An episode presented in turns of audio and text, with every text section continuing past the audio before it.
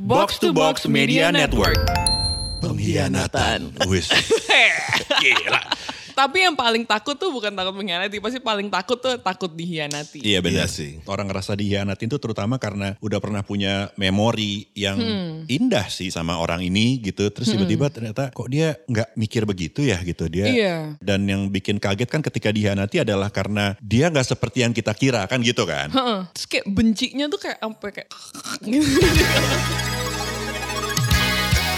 Uli Herdi. Ara Haji Siwi. Apang Alim Studio. And we are Jakarta Crazy Buddhists. Crazy? Definitely. Wise? Not necessarily. Pengkhianatan. Wis. Gila. Tapi yang paling takut tuh bukan takut mengkhianati, pasti paling takut tuh takut dihianati. Iya benar. Iya sih. Sakit soalnya. Wis, kayaknya lo punya cerita nih, pernah Iya. dihianati nih. Tapi yang ini dihianatinya berasa sakit banget. Siapa orang yang berani mengkhianati seorang, Apang Alim Studio, penulis skrip kondang perfilman Indonesia? Semoga dari pembicaranya kita bisa menghujat dia rame-rame. Oh, Oke ya. siap. Oh iya, oke oke oke. Oke. Gimana gimana gimana gimana? Cuma masalahnya orang dihianati itu karena banyak kan kan kalau yang namanya pacaran udah pacaran lah ya, udah berstatusnya udah resmi terus dihianati gitu karena ada komitmen yang dilanggar kan. Kalau gue sebenarnya enggak sih. Dihianati bukan dalam konteks gue udah jadian sama dia gitu. Ini masih PDKT tuh, masih dia nggak mau. PDKT gitu. Masih PDKT eh, dan terus ya gue udah ngerasa bahwa dia memberikan gue keyakinan.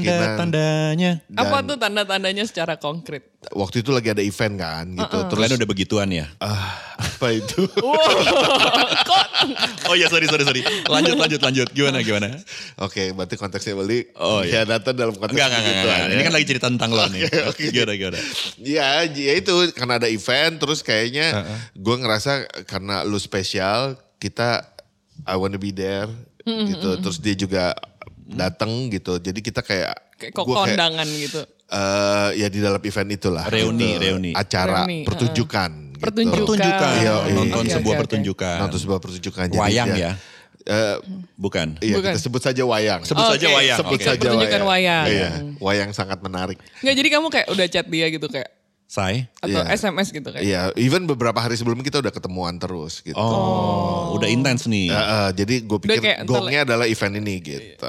Event ini nembak nih gitu. Ah, ah, gitu. Oke. Terus? Terus ya di event itu tapi gue nggak sempet nembak gitu. Hmm, gak sempet sibuk banget soalnya. Iya sibuk banget gitu karena Itu oke terus apa? Enggak, that means it's your fault dong, Pang. Karena dia mungkin aja nunggu terus, oh ya apa nggak nembak berarti nanti dia nggak mau dia sama aku gitu. Iya ya kali nggak tahu kalau dievaluasi gitu gue nggak kepikiran sih. Dievaluasi ya. Iya nggak ini sama Ara di, di- kan lagi dievaluasi sama Ara. Enggak, enggak, enggak, maaf, maaf, maaf, maaf. Finish the story. Finish the story. And Intinya and- adalah and intinya gue ngerasa hari itu adalah hari yang paling membahagiakan buat gue gitu. Oh. Sebenarnya tinggal timingnya kapan gue untuk melakukan itu. gitu. Terus Tapi besok dia datang lagi ke event yang sama dengan orang lain. dengan orang lain Dan sudah pacaran. dan sudah pacaran. Oh jadi di balik PDKT kalian dia juga punya PDKT lain. Betul. Jadi ada dua PDKT berjalan atau lebih nggak tahu. Dan lo ngerasa lo the only one. Terus ternyata dia udah Yes. punya yang lain. Yes. Terus lo ngerasa dihianatin. Ya, jadi gue sebenarnya gue udah tahu dia udah ada cowok nih, udah ada cowok gitu. Tapi kayak memberikan gue peluang untuk gue bisa nih gitu untuk menjadi penggantinya cowok dia gitu, istilahnya gitu Oh. loh. Dia Jadi sempat kayak- ngomong gitu maksudnya. Iya, karena dia ngerasa ya dia punya masalah gitu sama cowoknya gitu, kayak nggak nyambung, nggak cocok dan lain-lain. Oh. Dari gitu. curhat-curhatan nih. Iya, gitu. Jadi gue kayak ngerasa oke gitu. Tapi ternyata begitu dia datang itu dan gue ngelihat hubungannya nggak seperti yang dia ceritain gitu dan kelihatan mesra dan segala macem gitu. Oh ini lo ngerasa dihianati. Dihanati, gue ngerasa dihanati. Karena lo udah ada ekspektasi sebetulnya. Yes. Jadi lo terhianati Sama ekspektasi lo ekspektasinya sendiri. Salah gue lagi. Tapi nggak apa-apa dong. Maksud apa-apa, gue, apa. Mungkin Iya, iya, kenapa mewakili banyak teman-teman Iya, juga yang iya. pernah mengalami hal yang Iya. sama. Lo eh, dekat dengan seseorang atau temen kayak pacar kayak atau bahkan belum pacaran. Lo udah punya ekspektasi terhadap orang ini. Ternyata tiba-tiba dia nggak deliver. Lo merasa dihianati. Sah-sah aja dong. Iya, iya, iya. Kan perasaan dihianati. Dan gue ngerasa kenapa mesti ngelakuinnya di malam itu juga di malam berikutnya di depan muka gue gitu. Itu Oh. juga sakitnya sih gitu. Harusnya? Harusnya enggak sih gitu kali ya gitu. Jadi di pemikiran lo harusnya si cewek ini kalau dia nggak mau dimasuk dalam kategori pengkhianat harusnya tuh proses PDKT cowok itu dia bikinnya shift-shiftan gitu ya. Iya shift, kali. shiftnya apang, shiftnya Iya, apang iya. kelar udah ternyata nggak jalan baru masuk ke shift berikutnya misalnya. Iya. Tapi gitu Pang, ya? kamu tau gak sih cewek tuh suka ada kayak mau manas-manasin gitu loh. Nggak tahu Ra sama sekali waktu itu gitu. Kayak nggak nggak bisa nebak ke situ gitu. Cuman kayak bisa either way sih. Yang dipanas-panasin kamu atau pacarnya gitu. Don't- Ya, ya. Pilih mana yang lebih sakit ya. Iya. Aduh intinya sakit banget. Oke. Oh, Sampai sekarang masih inget ya? Enggak sih udah. Udah kelar lewat. nih? Udah kelar. Udah Oh, kelar. Ini sebelum belum menikah ya berarti ya? Iyalah Sebelum ya. menikah. Oh. Tapi ya for the first time gue ngerasa ada ada kesadaran bahwa gila gue nggak tahu cewek begitu gitu. Hmm? Iya karena baru dari situ gue konsul sama salah satunya orang yang amat sangat membantu gue melalui tahapan itu adalah Mbak Iko sih. gitu. Heeh. Salah satu pandita juga. Ya, eh, Wanita jadi utama, iya. gua, dia yang nge-backup gue untuk sebenarnya begini, yaitu mungkin yang seperti Ara bilang tadi gitu. Kalau cewek tuh gimana perasaannya dan segala macam dan gue penyikapannya harus gimana gitu. Oh. Kalau gue kan orangnya termasuk orang yang nggak mau kelihatan bahwa gue tuh ancur gitu li. Gitu. Gak mau kelihatan hancur. Eh, eh, tapi waktu masa itu gue kayak gak bisa nahan diri untuk ancur aja gitu di depan orang. gitu. Di Jadi depan kamu breakdown crying gitu. iya breakdown crying di depan cewek itu. di, enggak, enggak, enggak di depan cewek itu, di depan Baiko Mas Rusdi. Oh. itu pun itu pun dalam konteks gue lagi kayak nangis gitu terus ternyata mereka di depan muka gue di sebelah kaca gitu lagi ngeliatin gue berdua ketawa-ketawa gitu. Padahal gue kayak ngerasa ini momen gue buat gue mau gue mau hancur nih abis dikhianatin orang gila gitu. Anjir. Ternyata di balik kaca pas gue nengok lu mereka berdua lagi di balik kaca lagi nunjuk-nunjuk gue gitu. Ini lagi nangis. Kecian. Puk, puk, puk, puk. Kenapa gitu ya? Iya jadi dari situ gue untungnya mereka ngelihat jadi gue kayak gak ada hambatan untuk langsung ngomong ke mereka. Kalau nggak ketahuan nih lo merasa dikhianati oleh cewek yang belum jadian sama lo ini gitu ya. Iya, Iya karena kan? gue kerasa gengsi dong ya gitu orang belum apa-apa juga udah merasa dikhianati lebay loh gitu. Mungkin perasaan gue begitu tapi sebenarnya ya Iya tapi itu yang dirasa. Iya, itu. gitu. Oke. Berkhianat itu harus selalu pacar gitu atau bisa juga temen atau atasan atau Aku- bawahan gitu bisa juga dong. Aku merasa temen sih pernah terus yang aku sampai kayak what gitu. Kenapa tuh? Ya kita teman kerja sih. Hmm, Terus deket ya? ya, deket dan dari maksudnya dari awal juga pasti kerja bareng bareng dia gitu dan dari from nothing to something lah gitu. Bareng-bareng bersama-sama membangun bareng-bareng sebuah. bersama Terus? gitu. Terus ya waktu itu sempet aku merasa dikhianati sama bukan dia. Oke. Pokoknya hard to explain. Tapi maksudnya gini, aku kan ket- ketua at the time gitu. Ketua apa nih? Ketua suatu organisasi gitu. Oh kamu ketua organisasi anak muda. Anak muda di Oke. di organisasi muda ini. Oh di sebuah organisasi Buddhis ada anak muda kamu ketuanya. Iya. Terus? Terus abis itu jadi aku bikin kayak acara they uh, have to campaign about something gitu. Hmm. Terus abis itu uh, turns out they campaign about menghadapi ketua kita yang selama ini otoriter. Oh gimana? Menghadapi ketua kita yang selama ini otoriter gitu. Dia bikin. Iya, like one of teman aku ini dan orang yang kita anggap Oh. namanya Juno gitu. Juno namanya. Juno ini aku pikir ini tai nih Juno gitu. Jadi kamu merasa ditusuk dari belakang dong. sama Juno. Karena kan temenan, deket, ngebangun bersama-sama, tiba-tiba Nah tapi nggak sama si teman aku ini karena I, I'm sure that dia tuh teman aku gitu. Oke. Karena we've been through everything together, in career juga we've been through everything together gitu. Yeah. Nah terus aku ngerasa ini pasti si Juno nih, karena Juno tuh dari dulu emang suka berkhianat, aku tahu gitu. Hmm. Dan emang orangnya sirikan dan emang agak pengen selalu pengen jadi ketua gitu. Jadi aku tahu dia mau jatuhin aku gitu. Terus ternyata, eh, terus abis itu ya aku udah like the whole year, two years lah gitu. Aku udah kayak nggak pernah kasih posisi ke Juno jadinya karena aku takut. Karena kalau dikasih posisi pasti dia kayak agak mensabotase gitu menurut oke, aku ya. oke, oke. Hmm. Terus abis itu two years later tiba-tiba eh, baru tahu bahwa ada lagi anggotanya yang baru kasih tahu aku ya selama ini sebenarnya bukan Juno, Juno tuh cuma ikut doang. Yang bikin campaign against me Ya. itu ya teman aku. Oh. Terus kayak oh fuck, aku baru tahu akhir-akhir ini sih actually. Oh gitu. Iya. Jadi ditusuk dari belakang ya. Iya, soalnya teman aku ini ngom komplain ke aku terus Mm. soal Juno. Aduh, aku sebenarnya nggak mau sama Juno, tapi ya aku waktu itu ya jadinya nggak tahu sama siapa lagi, jadi aku mau Juno. Sebenarnya aku juga banyak nggak sereknya ngomong ke aku kayak gitu. Oh, oke, tapi ternyata oke. ada anggota lagi yang ada di dalam perdiskusian itu loh, yang yang ngelit diskusi akhirnya jadi against aku. Dia. Iya. Oh. Wow, licik Terus sekali. aku kayak oh my god.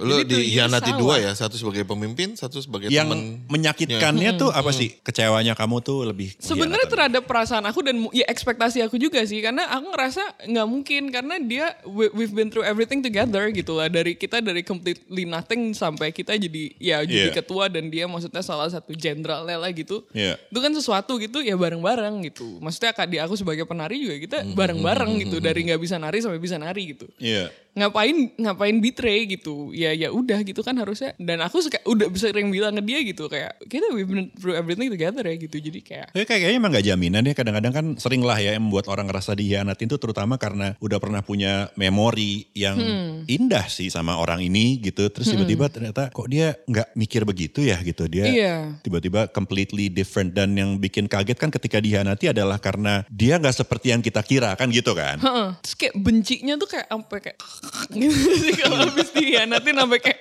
ini orangnya kayak bener-bener kayak Iya, iya. udah kayak Makanya be- kalau di film tuh pengkhianatan sama dendam tuh jadi satu ya. Maksudnya selalu Iya, iya, begitu iya. gitu. Dihianati dendam dia balas karena memang segitu. gimana sih segitu caranya kita dihianati terus kita nggak gitu. nggak dendam gitu kayak nggak mungkin deh.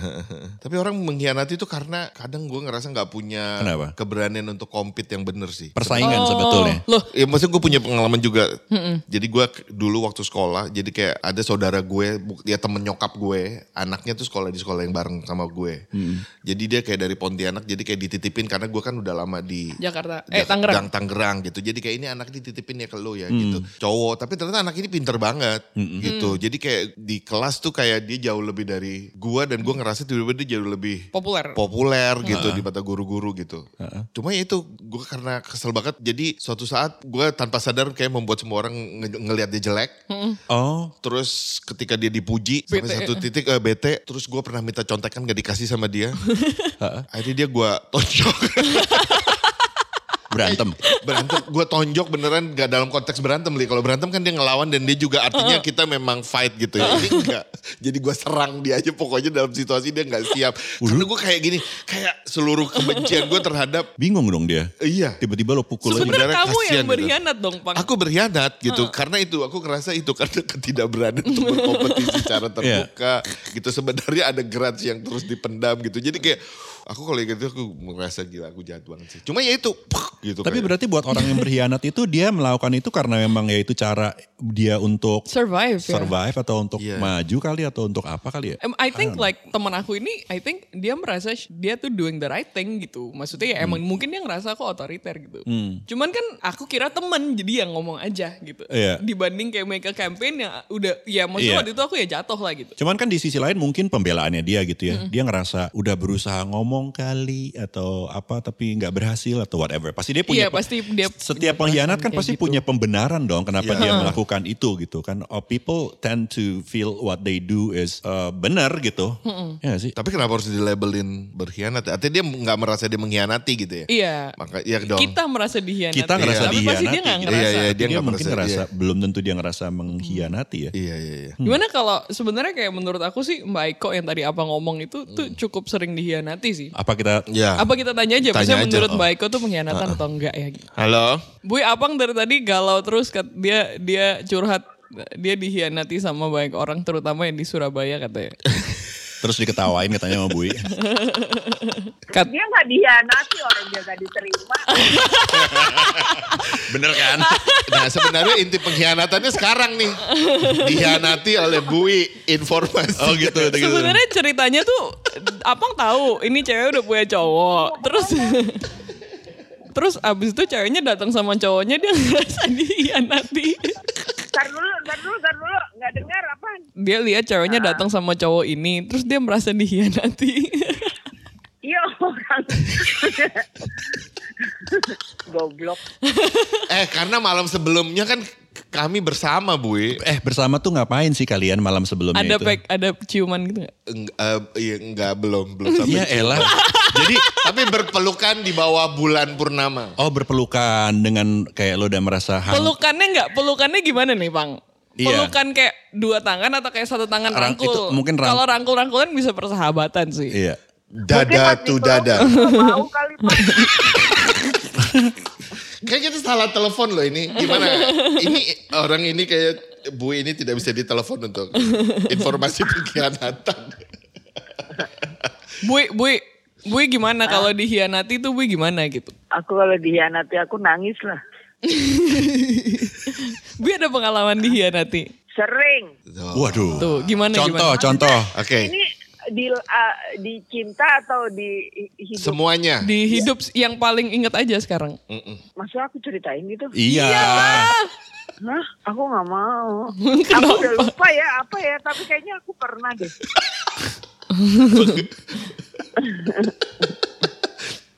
Bui sering paling sering dikhianati dalam hal apa? Cinta atau cinta atau kepemimpinan gitu atau apa? Sama aja sih, tapi kepemimpinan iya pernah sih, tapi Sebenarnya kita sih yang sering kita sih yang sering ngerasa Ara atau kita ya tadi ngerasa bahwa Bu itu orang yang paling sering dikhianati kalau dalam konteks itu itu bagus atau jelek sih? apa apa apa apa apa. Kita ngerasa Bu itu orang yang paling sering dihianati. Kenapa? Orang-orang sama aku. Atau be- berarti ya kalau gitu akunya goblok. Lebih goblok Bu atau Apang? Kalau Apang tuh gak goblok, Nal. Era. Apa? Apang tuh ini belagu. Orang eh, nggak dibilang dia eh, ceweknya mau sama dia, masa dia udah merasa dihianati sih? Oh iya. Jadi sebenarnya halu ya, aku halu ya. Belagu, Bang. Belagu, Bang. Tahu bang. Kegeeran gak sih? Ya, misalnya dia mau gini, dia misalnya mau dipeluk gitu. Mungkin apanya udah kayak mau meluk, masa ceweknya gitu. Terus jadi dia gini, ya udah nih gue pasrah aja deh gitu. Kayaknya ya apa boleh buat ya udah nggak bisa lari juga kan. Sedih loh ini proses pengkhianatan sedang terjadi ini. Itu kan pengkhianatan tau nggak? Aduh apa ngapa Yang kamu lakukan ini loh sedang mengkhianati aku loh. mengkhianati cerita-ceritaku ke kamu ini yang amat sangat apa adanya. Tapi paling pak pak paling menakjubkan sih dia lagi nangis di kantor itu. itu ka- kamu tuh bener-bener parah waktu itu sama Mas Rusdi itu ya. Kok bisa ngen- ngendap-ngendap ke situ dan tiba-tiba muncul di depan mukaku itu parah banget. Aku benci banget loh saudara itu. Iya, Bui Bui kalau dihianatin gimana Bui? Sekarang kan podcast ini untuk kayak membahas bagaimana ca- caranya dealing with orang yang Pengkhianatan. iya, Iya. pengkhianatan. Pertama sih aku kayak sedih sih ya lebih per- lebih utamanya sih yang paling nggak enak tuh kayak rasanya sedih gitu. Karena kayak kehilangan temen sih. Mm-mm, mm-mm. pertamanya ya feel feel pertamanya gitu. Mm-mm. terus abis itu jadinya jadi benci gitu.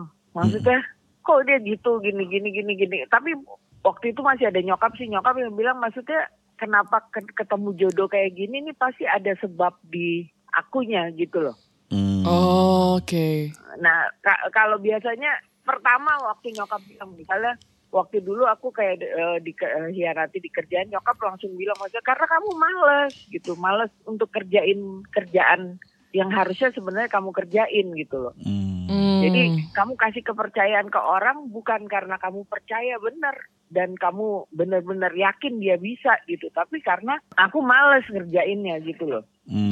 Hmm. makanya dapat akibatnya ini gitu. Pertama denger itu sih aku nggak terima sih. Jadinya justru diomongin gitu jadi aku benci gitu loh sama orang itu. Tapi Oh. ya tahu aja nyokap kan orangnya maju tak gentar ya gitu. Maksudnya kalau dia udah ngomong udah dia nggak nggak baca sama sekali gitu. Jadi kalau aku sedih juga dia bilang maksudnya percuma kamu sedih karena itu salah kamu sendiri gitu. Nah Hmm. sekarang yang paling penting justru jangan diulangin lagi gitu loh supaya kamu nggak nggak nggak merasa seperti ini lagi gitu. Ya, ya. Hmm. mau nggak mau ya terimalah. Habis gimana? Iya kalau ada orang kan punya pandangan apalagi orang keturunan baik oh jangan terlalu sayang deh atau percaya sama orang ntar lu dikhianati sakit hati lo gitu makanya jangan terlalu percaya baik kok setuju nggak? Eh, Enggak, enggak. Waktu itu sih kebanyakan nyokap bilang "Mm, enggak enggak ada masalah percaya orang gitu, tapi maksudnya dasar dari percaya ke eh, orangnya itu apa? Oh. Kalau aku dasarnya adalah karena aku males kerjain, jadi ya udah deh gue percayain aja ke lo deh. Gitu. Jadi nggak sebenarnya Bukan, percaya dong. Enggak gitu. Sebenarnya enggak mau repot aja gitu loh, nggak mau mikirin gitu. Hmm. gitu. Oke. Nah, ka- ka- kalau kalau emang percaya benar, ya mungkin tes dulu dan dibimbing dulu, dididik dulu, dilihat benar gitu, nggak nggak masalah dia bilang. Maksudnya harus kita harus percaya orang, harus bikin tim, iya. Tapi bukan bikin tim itu nggak bisa begitu aja terjadi gitu loh. Hmm. Itu uh, rela- relationshipnya harus di build up gitu. Nah aku nggak build up eh, relation itu karena emang males dasarnya gitu. Hmm. Nah jadi justru dasar dari percaya orangnya itu yang penting. Oh. Oke. Ini kok aku jadi ceramah kayak pagi. Nah, tapi Tapi apakah apakah sebagai orang kita akan bebas dari di- pengkhianatan? Bisa nggak, Bu? Enggak, Oh, nggak bisa ya? enggak. Kalau dalam Tapi kalau menurut aku nggak apa-apa sih. Jadi pengkhianatan tuh membuat hati kita menjadi lebih uh, tough. Bukan Wow. tough Wih. dalam arti jadi apa maksudnya? Defensif gitu. Nggak nggak berperasaan bukan itu, tapi jadi lebih teguh gitu loh. Hmm. kalau Cuman Heeh. nggak boleh ada dendam. Nggak Kalau ada ada dendam dendam. nggak akan nggak nggak akan jadi teguh gitu. Yang ka- karena kan Oh. benci kan. Kalau benci itu kan kita nggak nggak belajar sesuatu sama sekali gitu. Hmm. Oke. dari kesalahan yang kita bikin gitu. Karena kan kalau kalau dendam kan dasarnya dari benci kan karena kita merasa yang salah orang itu gitu. Nggak ada kesalahan di diri kita sendiri. Nah itu membuat kita nggak bisa belajar dari kejadian ini gitu. Jadi percuma aja dihianati juga. Hmm. Jadi apa kalau tetap benci sama cewek itu karena Hmm. mau dipeluk tapi terus dia bawa cowok. dia nggak bisa belajar. Iya. Saya teguh Kesalahan sekarang, ya. teguh. Jadi sama aja konteksnya Mbak Eko ya dari dalam sisi eh, leadership atau dalam sisi percintaan ketika sebuah pengkhianatan terjadi kalau kitanya jadi benci ya kita jadi nggak belajar apa-apa jadinya Iya. percuma peristiwanya padahal Percuma, eh. peristiwa itu sebetulnya bisa jadi sesuatu yang bagus gitu bisa jadi sebab yang baik juga untuk kita untuk punya hati yang lebih teguh gitu ya. Iya. Gimana ya caranya udah dihianatin nggak benci itu gimana ya? Iya, susah banget loh. Iya. Pasti, maksudnya benci itu pasti ada sih. Nggak mungkin langsung kayak kita begitu di, tahu kita dihianati terus kita kayak oh nggak apa-apa itu memang salah kita nggak akan mungkin gitu. Pertama pasti ada fase bencinya gitu. Makanya kita butuh orang lain juga sih. Maksudnya dalam hal ini waktu itu untung ada nyokap gitu. Nyokap yang ngingetin terus gitu maksudnya. Walaupun pahit yang ngingetinnya. Cuman karena ada dia jadi akhirnya bencinya bisa hilang gitu. Hmm. Tapi kalau nggak ada dia emang eh, aku rasa sih agak susah ya. Jadi butuh juga istilahnya bantuan orang gitu loh. Oke. Untuk bisa lihat Hmm. lihat peristiwa ini dari sudut pandang yang beda gitu loh. Oke. Dan bantuan orang itu juga sering kali pahit ya. itu juga. Iya, justru justru kadang-kadang lebih pahit sih. Maksudnya yang lebih lebih bagus tuh yang lebih pahit gitu justru. Oke. Wow. Makasih Bu. Terima kasih Pencerahan yang benar-benar cerah. yang pahit Iya. ini. Makasih Mbak Ini Eko. ada honornya dong, ada honor. Oh, siap. Kalau ada honor baru cerah nih gue. Kita Oh, kirim iya. salted egg. Udah ya, dah. Makasih. Wah. Oke. Gue jadi mikir lagi loh, bisa jadi berarti orang sebenarnya merasa dikhianati bisa juga dia sebenarnya nggak real gitu. Jadi apa? Ke bawah perasaannya sendiri Ah, aja. Kebawa perasaan sendiri aja Iya. gitu. Sebenarnya begitu dibedah Iya. lagi kasusnya lu mah nggak dikhianati nih Iya. mah gitu. Cuman ada beberapa poin yang menarik gitu ya. Dalam Buddhism itu kan kita sering kali membahas mengenai perasaan jiwa kita seperti apa. Iya. Nah, nggak semua orang terbiasa mengamati perasaan jiwa diri sendiri dan juga perasaan jiwa orang lain gitu ya. Karena dalam kehidupan sehari-hari kadang ya udah kita jalan aja, udah autopilot aja. Iya, Nah, sementara dalam Buddhism itu eh, sangat penting juga untuk jadi orang yang sensitif dan peka ya, Iya. sehingga bisa diobrolin kayak tadi gitu. Kayak misalnya ada omongan seperti, "Oh iya waktu itu gue ngerasa benci, gue ngerasa marah gitu, gue ngerasa kecewa misalnya. Nah ini ketika perasaan-perasaan ini nggak biasa diakui dan dibahas dalam sebuah percakapan dengan teman, Iya. kadang-kadang sulit juga untuk bisa menerapkan filosofi Buddhism dalam kehidupan sehari-hari kan.